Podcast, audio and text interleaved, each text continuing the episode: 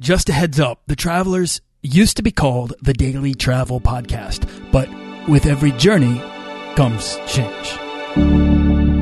This podcast is produced by Holocene, a community of creative travelers. If you want to get serious about planning that next trip, writing that book, starting that creative project, or launching that business, we're breaking down the barriers between where you are where you want to be together at joinholocene.com. That's join, H O L O C E N E.com.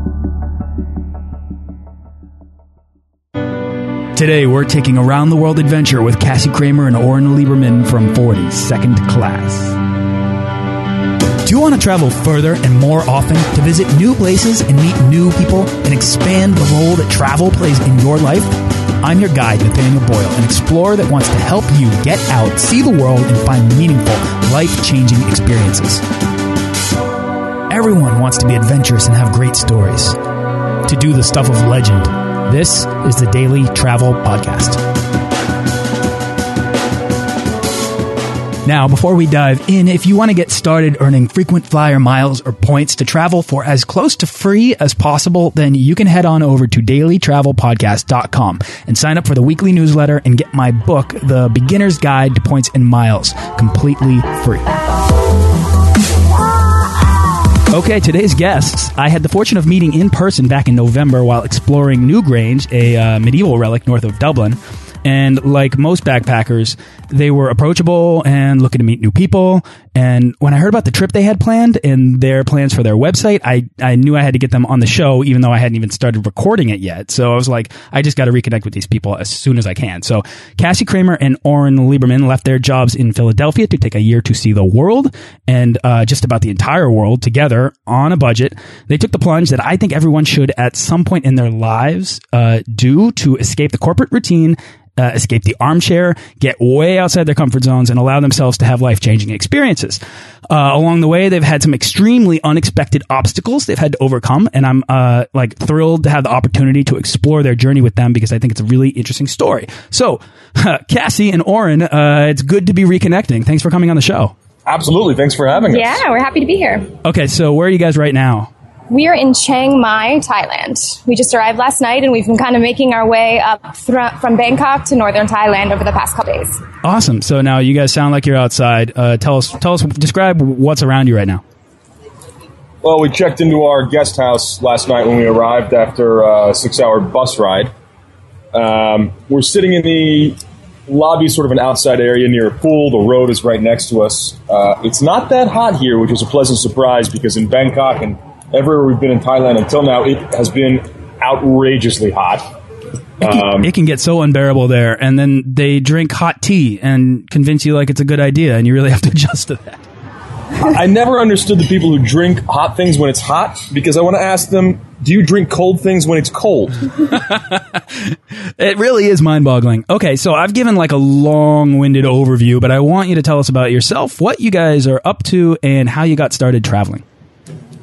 Okay, well, we can start from the beginning. You know, Oren and I have um, a reporting background. That's actually how we met each other um, a few years ago. And um, I started traveling when I was in college, and I absolutely loved it. You know, they always say once you get the travel bug, you can't stop traveling. Um, and, you know, your list just keeps getting longer of places you want to see.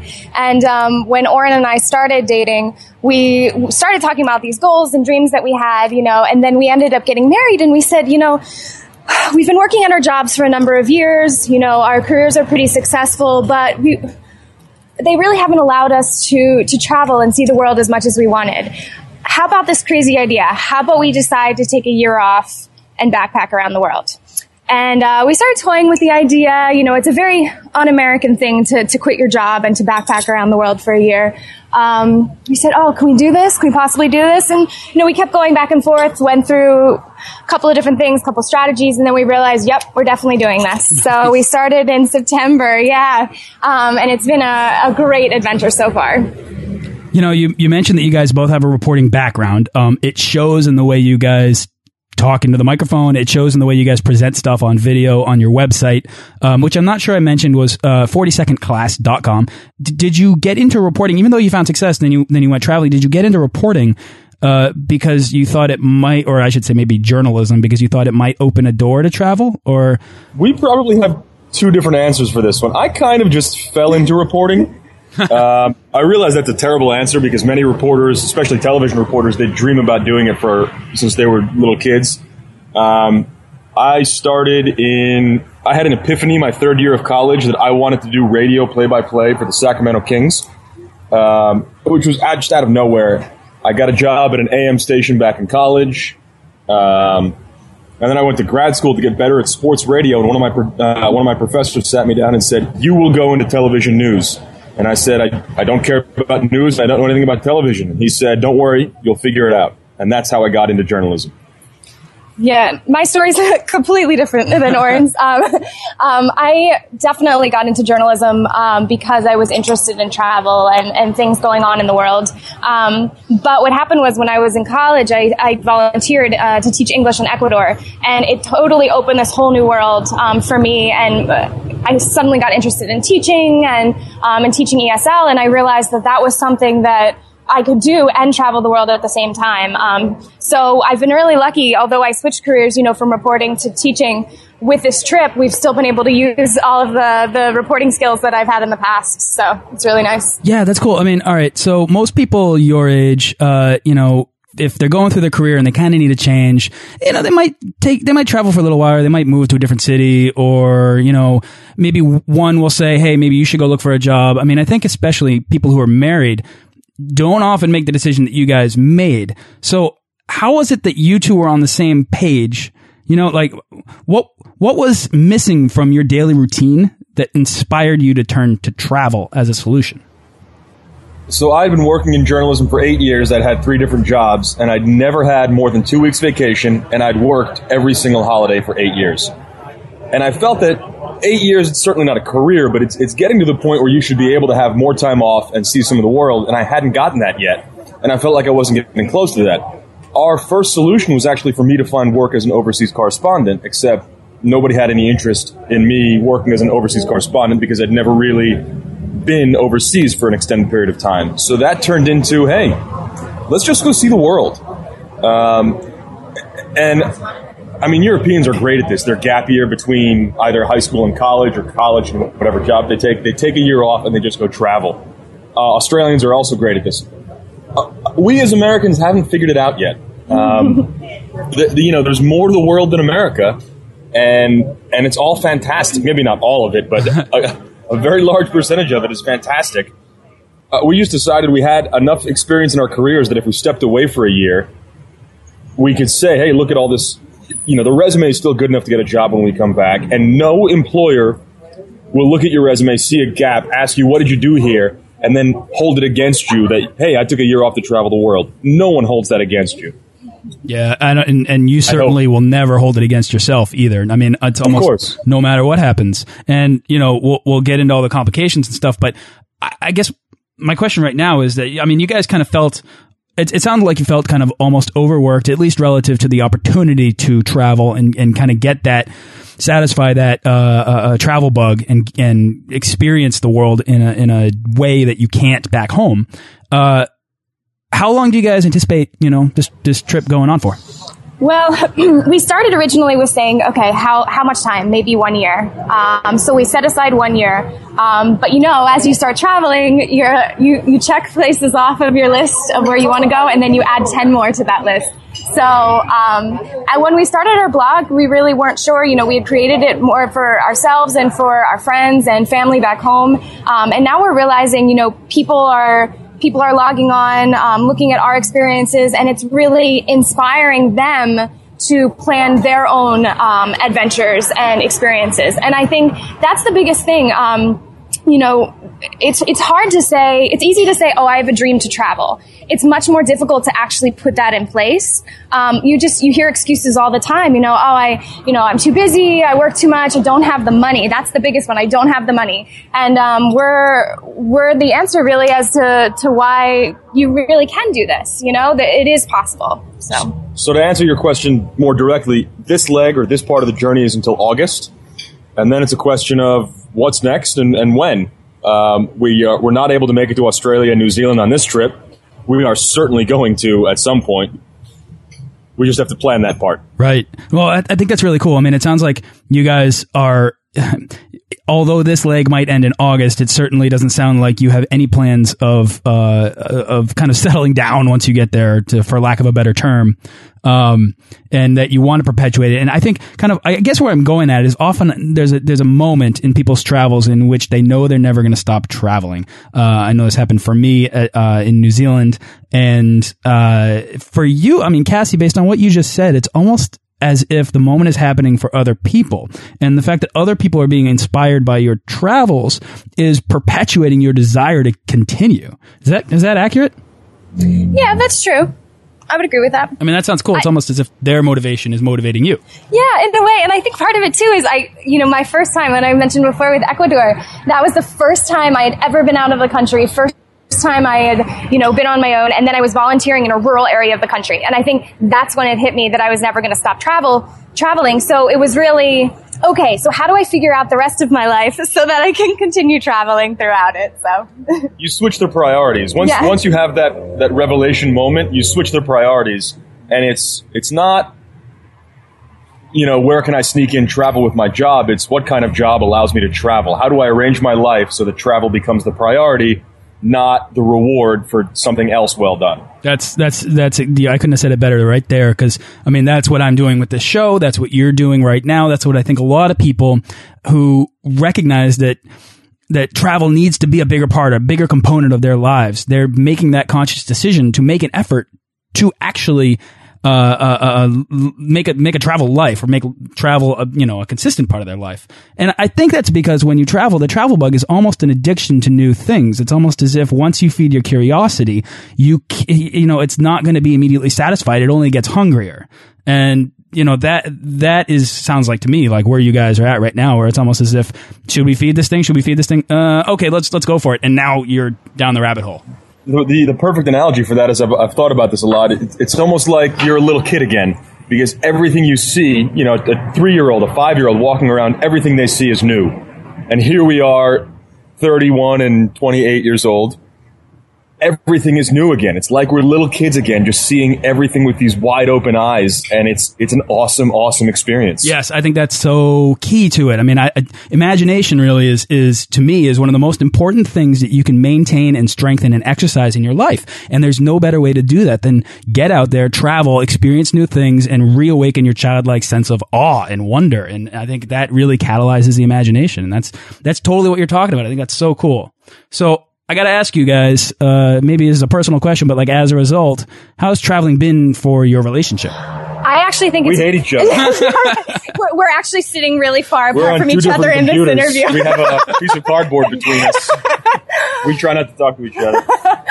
Um, you know, no, it's been it's been really great. You know, we've talked to people who said, "Oh my gosh, I can't believe that you guys are going to be spending literally 24 hours a day with each other." Um, we are our travel partners, so we see everything together and we love meeting people along the way, but you're right, it is mo- mostly us all the time.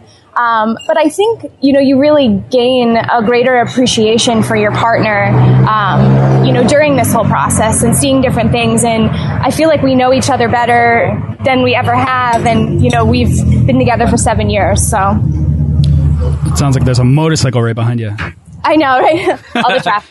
You know, a lot of people uh, have these. I don't know if I want to call them excuses or not. It's just life. But a lot of people have these reasons that prevent them from from getting out and traveling. And oftentimes, it's getting on the same page with your spouse or your significant other. Um, and you don't want, you obviously don't want to leave them. Um, and I think that that that's just one of those life things that if if you want travel to be a bigger part of your life, you really need to come to come to terms with. It's really difficult and I don't know. There's a there's a lot of other reasons why people might not travel, and I think fear would be a big one of those. And um, I just want you to tell us a story of, uh, you know, I mean, I think you know where I'm going with this, but the like the big complication that happened. I don't actually know much about it at all. So so why don't you just take it away, and I'll just poke and prod. All right. So first, please tell me if I'm getting long winded because this story the, the, the, extended version is like War and Peace. Or and that's what editing's for. Don't worry about it.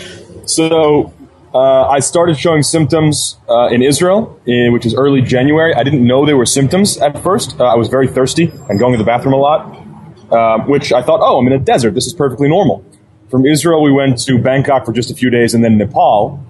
And I kept showing the same symptoms, uh, especially on an eight day trek in the Himalayas, which we did right when we got to Nepal. Oh, I'm drinking a lot. Oh, I'm going to the bathroom a lot. No big deal. I'm in high altitude and I'm trekking, so of course I'm drinking a lot of water.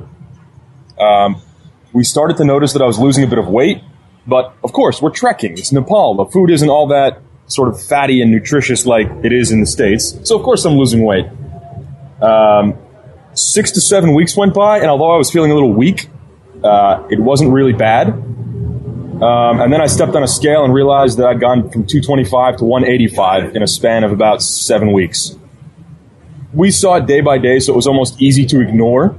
But people who saw a picture of me before and then after were shocked at how thin I was and how pale I was. And, uh, and the whole time during this process, you know, I'm seeing him, but he's still healthy. You know, he still has energy. Um, we're still going. I mean, when you're traveling, you're going at full speed. So, you know, n- there were no other flags, red flags for us, except for the thirst. Um, but then, obviously, with the weight loss, we realized that things were not n- normal.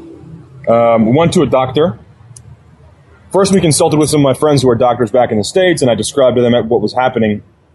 And they all said, It sounds like malnutrition, make sure to eat more. And I think it was hard for them to believe as well. We then went to a doctor in Nepal who said the same thing drink more fruit juice to get some nutrients, eat more. Did you have And any? Did you have any hesitations about going and seeing a doctor in Nepal? Mm, not really. I didn't, you know, I wasn't going in for some kind of surgery. I hoped. um, so just just to get an opinion from a doctor, and this guy seemed, I don't know if he was Western trained, but his English was pretty good, and that in some sort of way was reassuring to me. Um, and he also said malnutrition. Three days later, in, in the next three days, I went downhill so fast. Uh, went back to him, said something's not right, and he took one blood sugar test, and I found out on February 13th that I was a type 1, type 1 diabetic. Wow. Um, and that explained everything. It explained the weight loss, it explained the thirst, uh, it explained the feeling of fatigue, and it explained why I went downhill in three days when he told me to drink fruit juice, because fruit juice to a diabetic is poison. oh man. Um, so that was Oh. February 13th. He said, come back tomorrow, come back Valentine's Day. We'll test your blood sugar in the morning after you haven't eaten anything for eight hours, then have breakfast, and we'll test it two hours later. And that's sort of the confirmation test. Um, both of my blood sugars came back extremely high.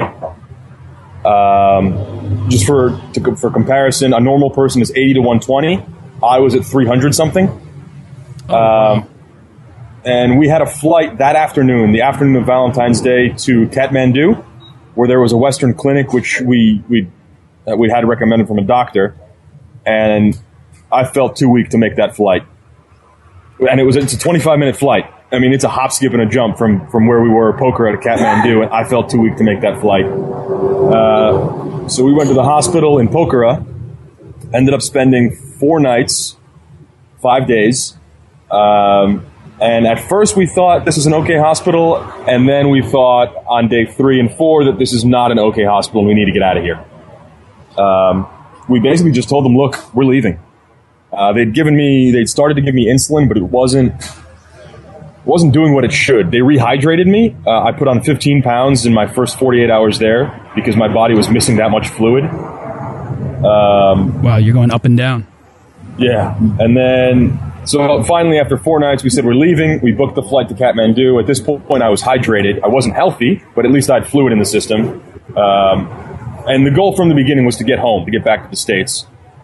Um, Yeah, once we knew that it was a di- diabetes diagnosis, we knew that he needed to get back home just to recover a little bit, put on some weight um, before we would start traveling again. So Yeah, So- you, you guys. I mean, I, I was I've been following you since we met back in November, and then when I you know I heard that it was crushing to me. So I can't even imagine what you guys were going through, but it was crushing to me because you guys had such a big plan. You had these big hopes and these big aspirations, and then to see them very quickly, uh, possibly come to an end. I mean, did, did you guys think that your your travels were over and that you know you were going to be done at any point?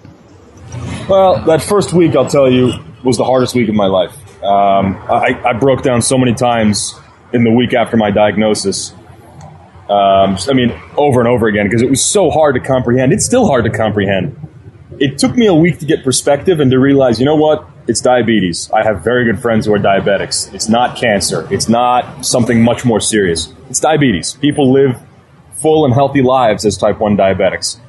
Um, we knew, or we at least thought we knew, pretty early on that we'd be back on the road at some point. We didn't really have a sense of how long that would take um, because we needed to see doctors.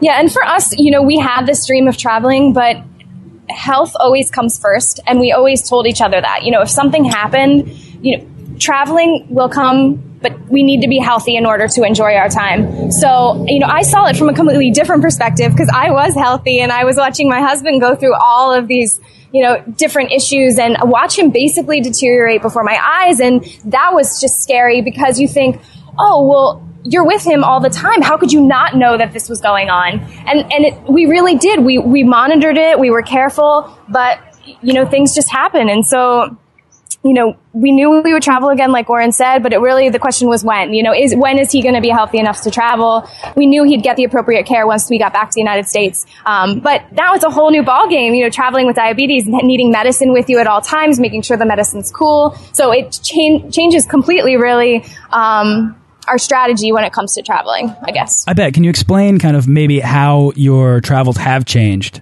since you've been back out on the road with this uh, with this diabetes diagnosis? Well, we'll do it from two perspectives. First, we lost six weeks of our trip. Um, we spent a week in the hospital and five weeks back home. So we had we knew we had to get back in August. Uh, at least that's when our ticket brings us back. Um, so we lost some time. We, we had to cut out a few things and we decided we had to move faster. Generally, we planned to take overnight buses and, and trains, and now we've done a few more quick flights just to, to, to speed up the travel so we can get places faster. Um, and then I have to always carry around my medications. My doctor in the States, after she cleared us to travel, wrote me a prescription for basically five months of insulin. And they come, it essentially looks like a pen, an insulin pen, and I carry around 10 of those. Um, and I only use one at a time, but it's not like I can hop into a pharmacy here and pick up and know that that pharmacy has what I need. So I have to carry my medications with me, which means I can't let it get too hot, which in other places won't be a problem, but here it's near 100 degrees every day. So we've had to make sure we book guest houses and hostels that have refrigerators. I have to keep my insulin cool. And then I, I have a cool pack that I carry at all times because when we're on a three hour bus ride or something like that, I need that cool pack again to keep my insulin cool. Uh, I have to constantly be on top of my blood sugar. If it drops too low, I can pass out. If it goes too high, that's not a that's not a problem in the short term. Um, so we don't worry about that too much. It just adds something that you're always thinking about in the back of your mind. And there are telltale signs that a diabetic knows if they're too low. So I, oh, I'm always paying attention to my body. Am I too low? Are my fingers shaking a little bit? That's a sign that my blood sugar is too low. Am I sweating when I shouldn't be sweating when it's cool out? Here it's never cool out, but that would be another sign that, that I might uh, have low blood sugar. Um, it's something we always, always have to think about. And, you know, when we left the States, it was like 20 degrees outside. It was freezing cold, and I wasn't getting much exercise because I, I wasn't going outside. Um, here it's 95 degrees out. We're doing a lot of walking, and exercise burns through blood sugar. Um, so I've, I've had to dramatically reduce my amount of insulin to make sure that I'm, I'm in the safe range. Um, it's something you always have to think about, more so than anything else now. I can't just think about our next destination. It's how will I manage my blood sugar at our next destination? That always has to be the first question.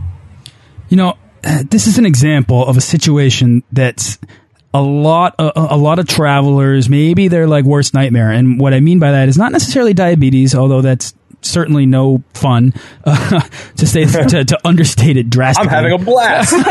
but you know, you guys speak so confidently of the experience, and and you know to go through the confusion of being of being sick and not knowing what it is, to being dangerously misdiagnosed, to being hospitalized in a foreign country, which alone is is something that I think scares a lot of people out of traveling. Um, and now the challenge of managing diabetes. And but to hear you speak about it, you don't speak as if it's getting you down. And I think what's really impressive about that is it's it's almost like you've gotten right back up off your horse. You've you've gone through that kind of struggle, adapted, persevered, and now you guys are back out there on the road. And I, I don't know. My, my favorite part of travel is when you put yourself in these positions, either accidentally or not. In this case, you had absolutely no control. But Oren, I'm willing to guess that it's really tested you as a person, and uh, and like a lot of like a lot of kind of uncomfortable experiences when you're traveling, you can become you, you, you not just kind of discover who you are, but you become the best version of yourself. Um, and that's kind of at least that's what I'm picking up here because it sounds like you know you've got all of these new challenges, but you're rising to the occasion and you're not letting it get you, uh, not letting it stop your travels together. Yeah, definitely. And you know what? Uh, along those lines, I had asked Oren. I said, you know, everything you know now with with all that we've been through in the last couple of months. Um, would you have changed anything? Would you have decided to, to not travel? You know, now that we know that at age 31 you would have had a type 1 diabetes diagnosis. Let me just add a quick part to this story so so listeners understand. How did I get diabetes? Did I have it and not know it? Um, I had it for two months and didn't know it. The prevailing theory is that I picked up a virus somewhere that planted itself in my pancreas, and then my body attacked that virus and shut down my pancreas. Our guess is that I picked that virus up probably in Kenya or maybe in Israel. So there is very little doubt in our minds that I picked up this virus traveling. That being said, yeah, that being said, you know, and when I asked Oren, he said no. He's, he wouldn't have changed anything. And I think, um, that shows a lot just about the the type of experience that we've had, um, the things that we've seen, the things that we've done, the experience we've had with each other with traveling. Um, and that may sound like such a crazy answer, but that's how inspiring travel can be um, and the things that we've gotten to do and, and even trekking in the Himalayas. You know, I can't believe he completed that trek with diabetes, undiagnosed diabetes. Um, but everything else that we've been able to do, um, and he still won't change it. So that says a lot. You know, there's a greater risk of regretting not going than there is of, of going and having something bad happen to you. And you guys, you guys just uh, proved that point. Like uh, uh, uncontestably. I mean, I think that's amazing to hear you say that that you wouldn't change it, that the experiences were still worth it. Uh, that's astounding to me, Oren. I, I, I, can't even I can't even wrap my head around it. I, I mean, I don't regret any part of this trip. Diabetes added uh, uh, a complication, if you will. It's added something to think about, but it, it hasn't slowed us down. You know, we're still doing Machu Picchu in June. Um, we still have so many plans and and I, I, hope I can inspire others who have type 1 diabetes or some other disease or some other complication to, to just travel. As long as you can manage it, it, it may take extra preparation. It may cost a little more money. That's no reason not to do it. You know, in, in the, in the show notes, you have you have some articles up on your on your website. And if you have any more, I'll link to them in the show notes.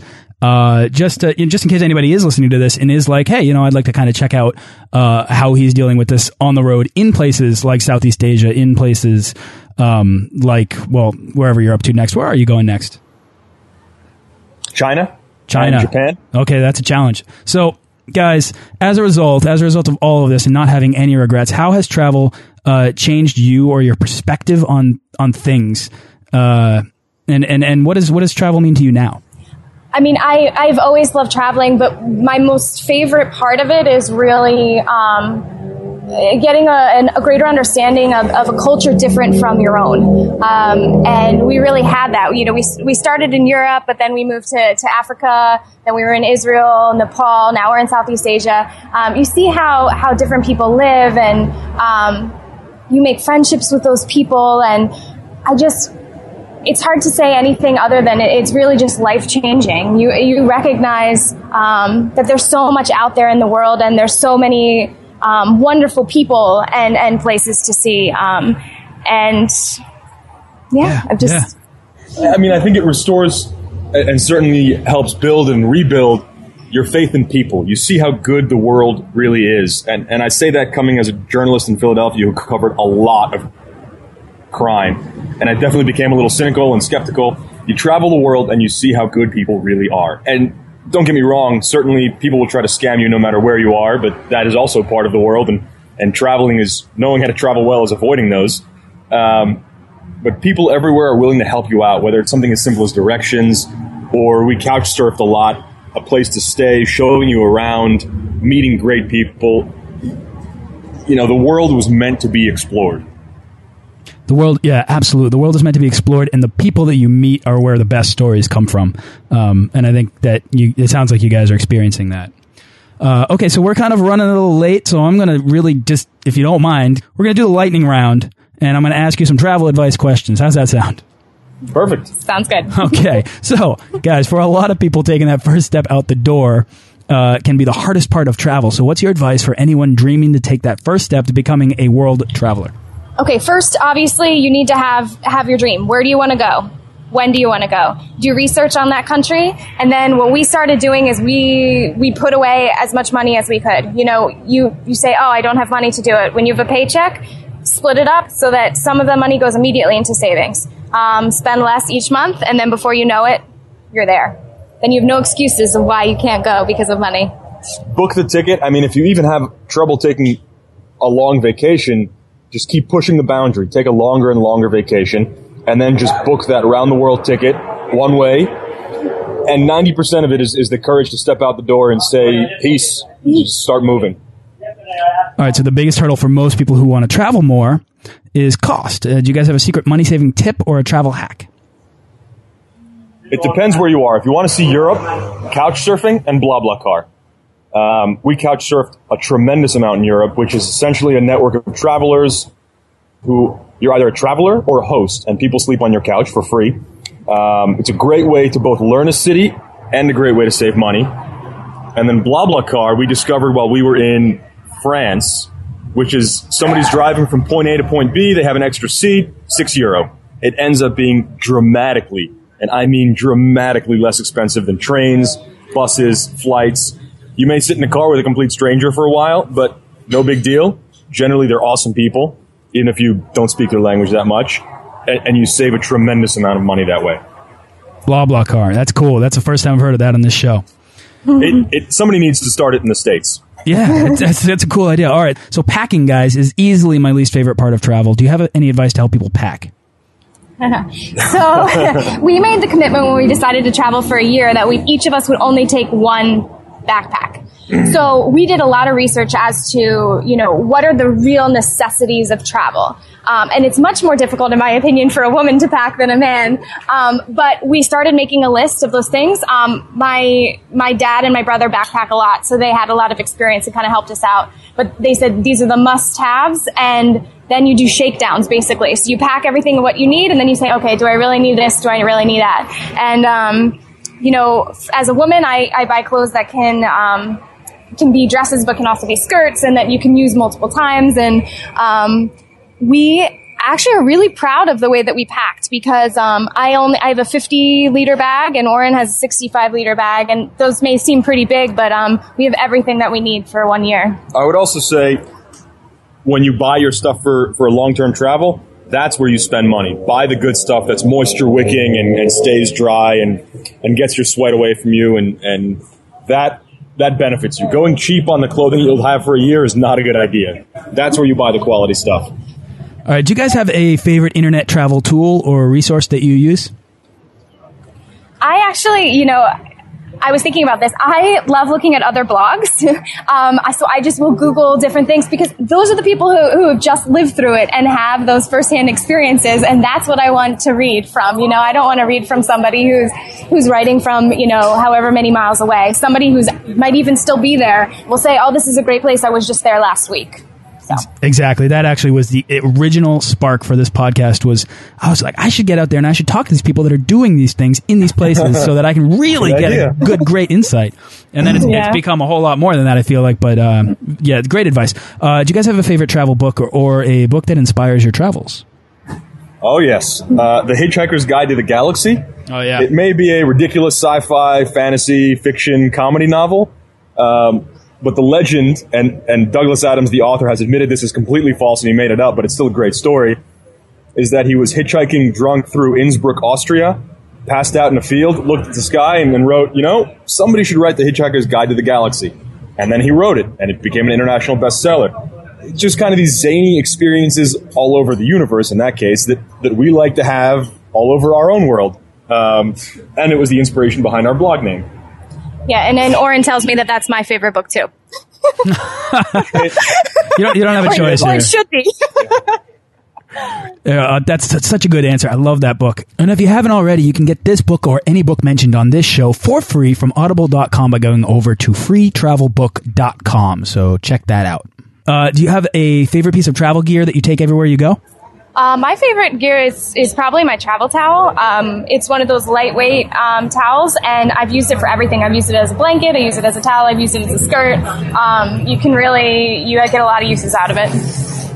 For me, I don't know if it counts as a piece of travel gear, but my camera does not leave my side. I take pictures of everything. I think I think in six months I've taken something like forty thousand pictures. Uh, like six of them are good, but I keep taking them, hoping that some more of them will be decent. Yeah, well, they just keep the more you take, the more likely you are to actually get a good photo. Exactly. Yeah, right. All right, guys. Uh, last question. What's the weirdest thing you've eaten on your trip? For the weirdest food, I'd probably have to say something I bought uh, at a Thai street vendor that I couldn't quite identify.